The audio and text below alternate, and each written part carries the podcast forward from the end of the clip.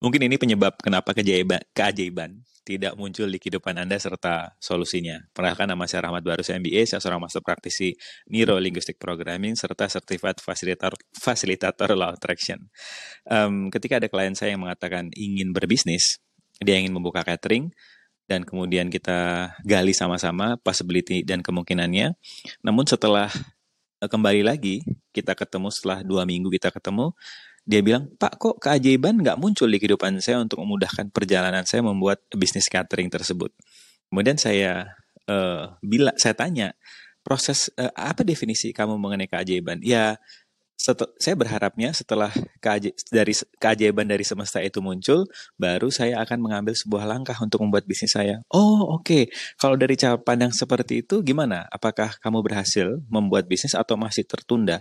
Iya, Pak, masih tertunda karena tidak ada keajaiban yang muncul. Oke, okay. sekarang uh, karena tidak ada yang salah dengan cara pandang Anda, namun ke ke kejadian realitanya adalah uh, Anda belum membuat bisnis Anda. Bagaimana jika dirubah cara pandangnya, yaitu keajaiban itu hanya akan muncul setelah Anda mengambil sebuah keputusan.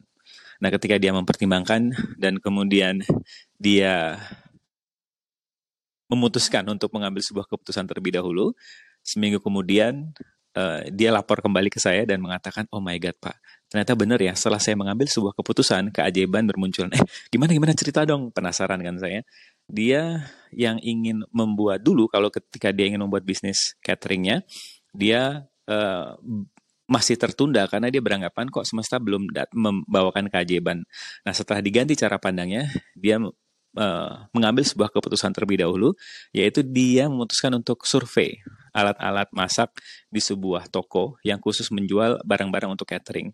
Nah ketika dia sedang survei di sana, uh, tanpa ada keinginan untuk membeli, lebih kepada ingin melihat-lihat saja, dia ketemu dengan teman lamanya, dan ketika mereka ngobrol, akhirnya mereka sepakat untuk mem membuat bisnis catering bareng-bareng. Nah, di sini mungkin Anda semakin menyadari ketika kita mengambil sebuah keputusan, keajaiban itu akan bermunculan. Bukan sebaliknya, kita berharap keajaiban terlebih dahulu, baru uh, kita mengambil sebuah keputusan. Karena kalau kita berharap keajaiban terlebih dahulu datang baru kita mengambil sebuah keputusan, secara vibrasi kita low, oleh law attraction akan ditarik hal-hal yang secara vibrasi juga rendah seperti drama, trauma, malas dan sebagainya. Sedangkan saat kita ambil action terlebih dahulu dan actionnya tidak tidak harus besar ya. Seperti klien saya lakukan dia hanya memutuskan untuk survei terlebih dahulu, secara vibrasi dia high dan akhirnya menarik hal-hal yang secara vibrasi juga high seperti kemungkinan yang dipertemukannya dia dengan teman lamanya dan akhirnya mereka sepakat untuk membuka kemungkinan membuat bisnis uh, catering bareng-bareng.